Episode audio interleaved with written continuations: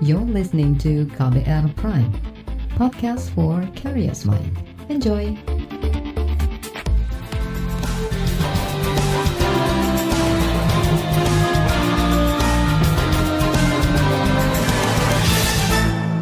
Halo saudara, senang sekali kami bisa menyapa Anda kembali dalam program KBR Sore untuk edisi hari ini, Kamis 30 Juli 2020. Saya Sindu Darmawan akan menemani Anda selama kurang lebih 30 menit ke depan. Kali ini kami membahas perayaan Hari Raya Idul Adha yang akan dilaksanakan Jumat besok. Semua yang merayakannya diingatkan untuk selalu mematuhi protokol kesehatan guna mencegah penyebaran COVID-19. Kepatuhan menjadi kunci penting karena jumlah kasus positif virus corona saat ini terus bertambah. Bahkan kemarin, jumlah kasus baru mencapai lebih dari 2.300-an orang. Total secara nasional lebih dari 104.000 orang. Lantas, protokol kesehatan apa saja yang harus dilaksanakan dalam merayakan Idul Adha di tengah pandemi COVID-19? Saudara pemerintah memberi kelonggaran kepada masyarakat untuk menunaikan salat Idul Adha di dalam masjid ataupun di lapangan terbuka, asalkan syaratnya mematuhi protokol kesehatan pencegahan COVID-19. Begitu juga saat pelaksanaan penyembelihan hewan kurban dan pendistribusian daging kurban. Ketua Satgas Penanganan COVID-19, Doni Monardo berharap jangan sampai terjadi kerumunan masyarakat saat prosesi perayaan Idul Adha dilaksanakan. Hari Raya Idul Adha ini harus menjadi momentum untuk kita berdisiplin dan patuh dalam menjalankan protokol kesehatan. Saya ingin kembali mengingatkan bahwa selama pandemi masih berlangsung, maka pelaksanaan protokol kesehatan adalah harga mati. Kita harus benar-benar berdisiplin untuk menjaga diri, keluarga, dan lingkungan tempat tinggal dan tempat kerja agar tidak menjadi klaster-klaster baru penularan COVID-19. Selain itu, saya juga ingin mengingatkan bahwa pandemi ini telah mengakibatkan terjadinya pemutusan hubungan kerja bagi banyak saudara-saudara kita. Maka dari itu, momentum Idul Kurban adalah saat yang tepat untuk kita membangkitkan rasa kebersamaan dan saling berbagi untuk meringankan beban saudara-saudara kita yang saat ini mungkin berpotensi tidak mendapatkan asupan makanan yang sehat dan bergizi. Saudara, Kementerian Agama juga sudah merilis surat edaran panduan pelaksanaan ibadah Idul Adha. Menteri Agama Fahrul Razi menjelaskan, masyarakat boleh menggelar salat Idul Adha dengan seizin pemerintah daerah masing-masing. Pada prinsipnya, sholat Idul Adha 1441 Hijriah sudah dapat kita lakukan di lapangan atau di masjid, kecuali di tempat atau daerah tertentu yang tidak dibolehkan oleh pemerintah daerah atau gugus tugas COVID-19 setempat karena alasan tidak aman COVID. Yakinkan bahwa lingkungan tempat sholat aman COVID, batasi pintu atau jalan masuk untuk memudahkan pengecekan suhu tubuh jamaah, bawa peralatan sholat masing-masing pakai masker, jaga jarak, tidak usah bersalaman atau berpelukan, pengumpulan infak tanpa bersentuhan dengan kotak sumbangan, dan perpendek pelaksanaan sholat dan khutbah tanpa mengurangi syarat dan rukunnya. Pemotongan hewan kurban juga boleh dilakukan dengan mentaati protokol kesehatan. Lakukan di tempat terbuka, hewan kurban dalam keadaan sehat, petugas pakai masker, membawa alat masing-masing, jaga jarak, cegah adanya kerumunan orang dan daging kurban diantar petugas ke alamat penerima. Dalam syariat Islam, ibadah kurban pada hari raya Idul Adha hukumnya sunnah yang dianjurkan. Itu tadi Menteri Agama Fahrul Razi. Sementara itu, Kementerian Pertanian mengeluarkan pedoman penyembelihan hewan kurban di masa pandemi COVID-19. Direktur Kesehatan Masyarakat Veteriner di Kementerian Pertanian, Syamsul Ma'arif mengatakan, untuk daerah zona merah, dianjurkan melaksanakan penyembelihan hewan kurban di rumah pemotongan hewan atau RPH. Utama sekali kita sudah menyarankan di himbauan kita di surat edaran itu bagaimana caranya kita memotong hewan itu kalau bisa di rumah potong hewan. Kalau itu yang kita. Tapi kan tidak mungkin kita bisa melakukan karena waktunya itu hanya empat hari ya pemotongan hari tasarnya itu sehingga kita menghitung rumah potong hewan kita di seluruh Indonesia ini 555 bu. Sementara yang kita potong ini tahun kemarin ya tahun kemarin itu satu juta delapan ratus enam puluh delapan ribu ekor baik itu sapi, kerbau, kambing, domba itu kita lakukan sebanyak itu. Nah, sehingga kalau kita kemampuan hitung kita tidak bisa kita lakukan di rumah potong hewan. Sehingga kalau mereka melakukan pemotongan di luar itu nah, paling tidak mereka membuat izin dulu ke Pemda tempat. Maksudnya izin itu gini, uh, izin itu supaya nanti kami yang membidangi kesehatan hewan ini itu akan melakukan pemantauan karena ada pemeriksaan sebelum dipotong sama sesudah dipotong hewan itu sebelum dibagi itu ada pemeriksaannya. Jadi kalau teman-teman itu ingin melakukan pemotongan di luar yang kita tentukan itu, harapan kita mereka melaporkan ke dinas yang membidangi peternakan dan kesehatan hewan seluruh Indonesia. Itu ada kan? Nah, sehingga mereka melaporkan, nanti tim kita akan turun ke mana yang sudah dilaporkan itu. Saya khawatir nanti kalau nggak dilaporkan, ini keterlewatkan untuk kita melakukan pemeriksaan. Kita minta kalau begitu saat sudah kita potong ternak itu, saat kita membagi daging itu, walaupun baru 10 atau 20, kalau bisa ya diantar. Itu tadi Direktur Kesehatan Masyarakat Veteriner di Kementerian Pertanian Syamsul Ma'arif. Saudara, seruan merayakan Idul Adha tanpa menggunakan plastik sebagai wadah daging kurban sejak beberapa tahun terakhir terus dilakukan. Kementerian Lingkungan Hidup dan Kehutanan bahkan pernah merilis poster khusus. Intinya, mengimbau masyarakat tidak memakai plastik sebagai wadah daging kurban. Wadah alternatif bisa dipakai, misalnya besek bambu, daun kelapa, daun pandan, daun jati, daun pisang, kotak makan, dan lainnya. Terkait hal itu, redaksi KBR menyiapkan laporan bertajuk Panduan Pemotongan Hewan Kurban Aman dari COVID-19 dan Ramah Lingkungan. Nantikan laporannya usai jeda, tetaplah di KBR Sore. You're listening to KBR Pride, podcast for curious mind. Enjoy!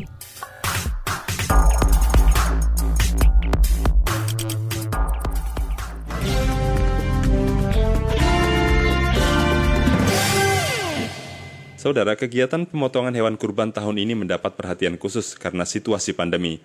Penerapan protokol kesehatan ketat ditekankan di tiap tahapan, mulai dari jual beli hewan kurban, penyembelihan hingga pendistribusian.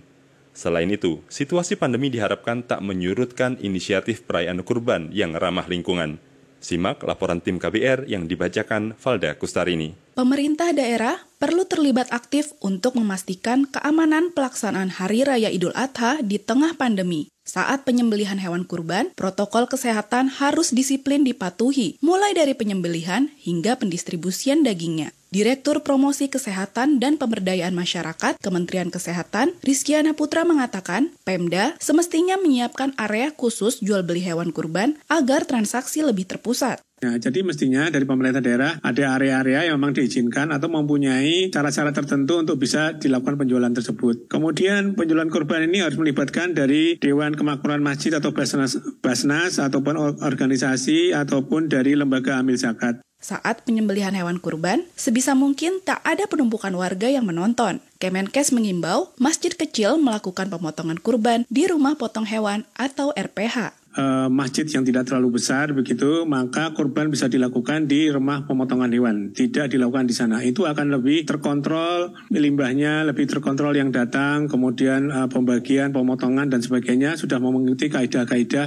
uh, yang benar dengan cara pemotongan Tahap pendistribusian daging kurban pun wajib menerapkan protokol kesehatan. Rizkiana meminta antrean warga untuk mengambil daging bisa diminimalkan. Ia mengimbau petugas masjid yang langsung mendistribusikan daging ke rumah-rumah penerima. Bagaimana kita mencegah supaya tidak orang tidak berkerumun, mengambil daging dan sebagainya, kemudian mendistribusikan seperti apa. Saya melihat di beberapa tempat sudah menyiapkan berupa packaging-packaging, Mbak. Jadi mereka sudah siap dengan plastik, kemudian mendistribusikan oleh tamir masjidnya. Nah itu akan mengurangi kerumunan yang cukup banyak. Terkait pemotongan hewan, dosen Fakultas Peternakan Universitas Diponegoro, Edi Rianto mengingatkan petugas harus mengenakan pakaian lengkap. Hal ini untuk mencegah potensi transmisi virus antar manusia.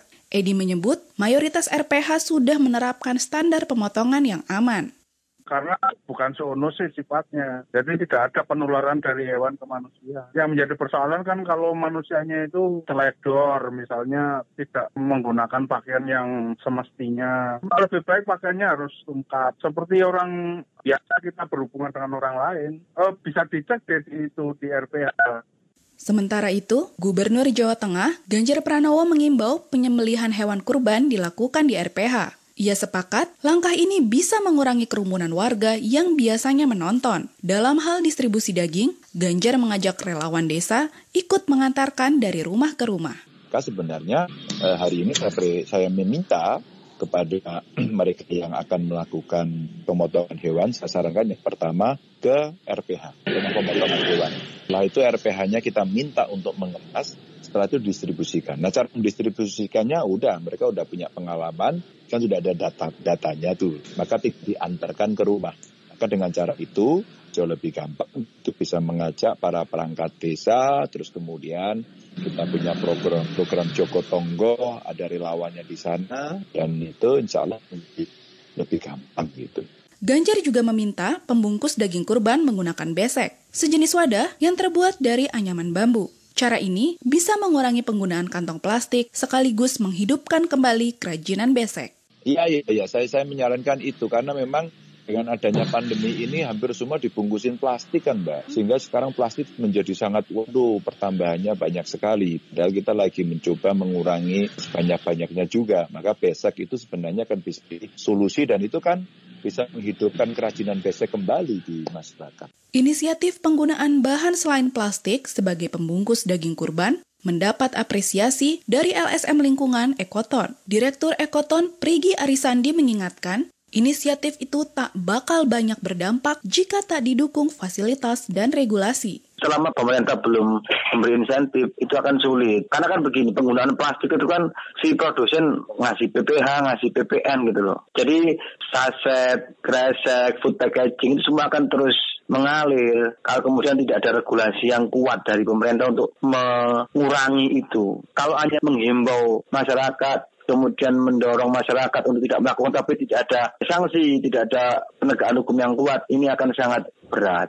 Demikian laporan tim KBR, saya Valda Kustarini. Lantas bagaimana imbauan Ketua Umum Dewan Masjid Indonesia DMI Yusuf Kala terkait perayaan Idul Adha di tengah pandemi COVID-19? Informasinya akan kami sampaikan sesaat lagi, tetaplah di KBR Sore. You're listening to KBR Pride, podcast for curious mind. Enjoy!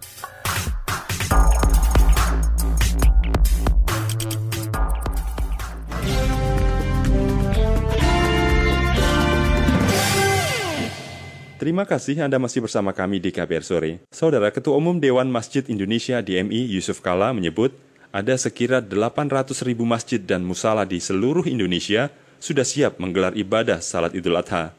Tapi JK mengingatkan panitia dan jemaah harus mematuhi protokol kesehatan. Hari Raya Idul Adha ini bertepatan dengan kita semua dalam suasana waspada, suasana COVID-19 yang bisa menyebabkan musibah besar apabila kita tidak disiplin siapa pun penduduk dunia ini dan termasuk kita semua di Indonesia ini yang akan merayakan Hari Raya Idul Adha besok hari. Karena itu maka Hari Raya besok tentu kita harus rayakan dengan penuh disiplin dan tentu disiplin selalu ada pengorbanan dalam hal ketidaknyamanan dan sebagainya. Tapi itu mutlak dilakukan. 800 ribu masjid di masjid dan musala di Indonesia sebagian besar, saya katakan sebagian besar karena ada juga yang tentu karena kondisinya tidak sempat untuk uh, Idul Adha masjid-masjid itu, maka tentu penuh dengan disiplin untuk mencegah musibah yang lebih besar. Karena itulah kedisiplinan untuk merayakan Hari Raya Idul Adha besok hari adalah suatu kemutlakan. Seperti sudah digambarkan bahwa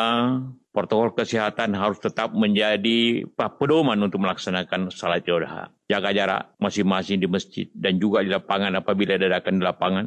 Di lapangan memang sering dianjurkan karena COVID itu lebih mudah teratasi di lapangan terbuka dibanding dengan masjid yang tertutup. Asal dipenuhi syarat-syarat kesehatan sebagai jarak yang sangat penting, pakai masker dan tentu cuci tangan dengan sabun. Itu semua adalah kemutlakan. Apabila kita ingin tentu selamat, tetap beribadah dengan baik, tetap bertemu dengan teman-teman dan seluruh keluarga kita semuanya. Ketua Umum DMI Yusuf Kala mengingatkan, selain salat Idul Adha, besok juga akan dilaksanakan salat Jumat. Karena itu JK menyarankan agar semua masjid dan musala melakukan sterilisasi dengan menyemprotkan cairan disinfektan. Besok juga bertepatan dengan hari Jumat. Jadi besok di masjid-masjid dua ibadah sehari yang dilaksanakan di masjid. Idul Adha pagi hari dan siang hari salat Jumat. Hal itu tentu akan diberikan perhatian bahwa sebelum salat Idul Adha, masjid-masjid harus dibersihkan, di, di, disterilkan dengan disinfektan dengan baik ya sebagaimana telah telah didistribusikan oleh Dewan Masjid ke banyak masjid di Indonesia. Sebelum dilaksanakan dan tentu karena juga menjelang salat Jumat setelahnya harus dibersihkan lagi. Itu adalah cara kita untuk melaksanakan ibadah dengan baik untuk menjaga jamaah kita agar tetap dalam keadaan selamat dalam keadaan baik. Karena apabila kita tidak memenuhi itu, maka tentu akan berikibat fatal apabila tidak disiplin masyarakat. Inti daripada COVID itu adalah pertama disiplin dan intervensi kita untuk mensterilisasi rumah, bangunan-bangunan, kantor-kantor kita serta seluruh sarana-sarana yang ada. Itu ke itulah cara dua cara yang sangat penting. Masjid yang begitu banyak yang mempunyai cara untuk menyampaikan pesannya kepada masyarakat seperti telah kita Dewan Masjid menyampaikan seruan dari masjid. Di sini saya ingin sampaikan agar setiap habis salat lima waktu di masjid-masjid, maka disampaikan pesan kepada seluruh jamaah dan masyarakat sekitarnya. Artinya memakai toa yang di menara untuk menyampaikan tiga hal selalu tiga hal disiplin untuk pakai uh, menjaga jarak disiplin untuk memakai masker dan disiplin untuk cuci tangan itu seruan dari masjid yang harus disampaikan lima kali sehari kepada seluruh masyarakat. Bisa masyarakat lupa, harus menjadi kebiasaan yang bermanfaat untuk kita semuanya. Itu tadi Ketua Umum Dewan Masjid Indonesia DMI Yusuf Kala. Saudara, bagaimana pandangan tokoh agama terkait perayaan Idul Adha dengan menerapkan protokol kesehatan pencegahan COVID-19? Perbincangan dengan salah seorang ketua pengurus besar Nahdlatul Ulama PBNU akan kami sampaikan usai jeda. Tetaplah di KBR Sore. You're listening to KBR Pride, podcast for curious mind. Enjoy!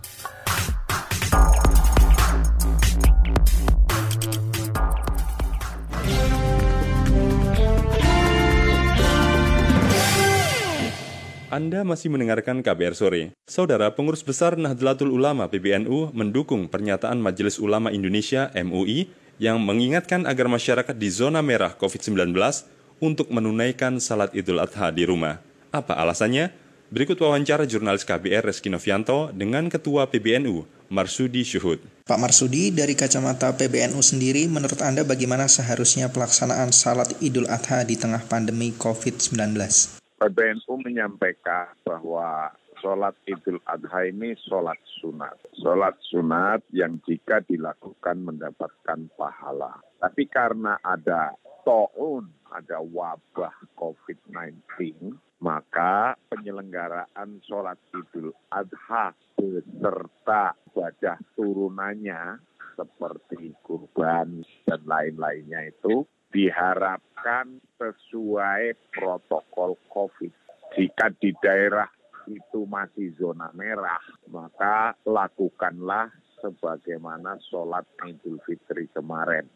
Lakukan di rumah, karena sesungguhnya yang dilarang bukan sholat Idul Adhanya, tapi ketakutan kita atau kewaspadaan kita untuk tetap menjaga kesehatan atau hifdun nafsi min akzomi makosidis syariah menjaga jiwa adalah syariah tujuan syariah yang terbesar, yang paling utama. Maka lakukan protokol COVID-19. Kalau di zona merah, ya lakukan aturan di zona. Kalau di zona hijau, maka lakukan dengan secara protokol di masjidnya masing-masing bagaimana pelaksanaan penyembelihan dan penyaluran hewan kurban yang aman, agar tidak memancing keramaian atau kerumunan. Begitu pula ketika mau melakukan menyembeli kurban, maka lakukanlah dengan social distancing dan jaga kebersihan agar semuanya kita diselamatkan dari wabah ini. Iya tadi saya bahaskan, ketika penyembelian juga lakukanlah social distancing. Itulah intinya diantar, diantar. Biasanya kalau NU kan pada sentral-sentral tokohnya itu yang motong kan, itu biasanya sudah tahu ada berapa warga yang berhak, maka mereka biasanya mengantar, mengantar ke tempatnya. Kemudian apa harapan PBNU di saat Hari Raya Idul Fitri atau Hari Kurban di tengah pandemi COVID-19 seperti ini? Harapan PBNU karena ini adalah bahasa Jawanya musim paceklik, sektor rumah tangga juga lagi mati, sektor, sektor produsen mati, berarti mempengaruhi demand, sektor pemerintahan yang mati. Maka di bulan kurban ini mengajarkan kita untuk semangat memberi. Maka ketika memberi, sekarang yang punya bisa memberi kambing ya kurban kambing, memberi sapi kurban sapi, kerbau ya kerbau, onta ya onta. Tapi jika pun mampunya adalah telur, mampunya adalah sekotak nasi, marilah kita bersama-sama untuk intinya berkurban itu semangat memberi. Maka jangan sia-siakan waktu yang sangat tepat, waktu yang istimewa, tempat yang istimewa ini jangan berlalu tanpa ada memberi. Semangat memberi untuk semangat hidup bersatu, berbangsa, dan bernegara. Itu tadi Ketua Pengurus Besar Nahdlatul Ulama Marsudi Syuhud. Saudara, kelalaian bisa mengakibatkan seseorang terkena COVID-19. Misalnya, lalai tidak menjaga jarak, berkerumun, melakukan kontak fisik, tidak mengenakan masker, dan sebagainya. Untuk mencegah kelalaian itu, juru bicara Satgas COVID-19 Wiku Adhisa Smito mengingatkan panitia salat Idul Adha menyiapkan petugas protokol kesehatan, mendisinfeksi lokasi salat, mengatur akses masuk dan keluar jemaah, memeriksa suhu tubuh jemaah di area masuk, memberi jarak minimal 1 meter per jemaah, mempersingkat salat dan khutbah Idul Adha, serta tidak mengumpulkan amal dengan kotak infak. Sedangkan kepada jemaah, Wiku mengingatkan agar membawa sajadah sendiri dan mengenakan masker. Khusus untuk anak-anak, lanjut usia dan jemaah yang punya penyakit bawaan, disarankan tidak mengikuti salat idul adha. Saudara, akhirnya sampai juga kita di penghujung KBR Sore edisi Kamis 30 Juli 2020. Pantau terus informasi terbaru melalui website kbr.id, Twitter kami at berita KBR, serta podcast melalui kbrprime.id. Akhirnya saya Sindu Darmawan dan kerabat kerja yang bertugas undur diri. Salam.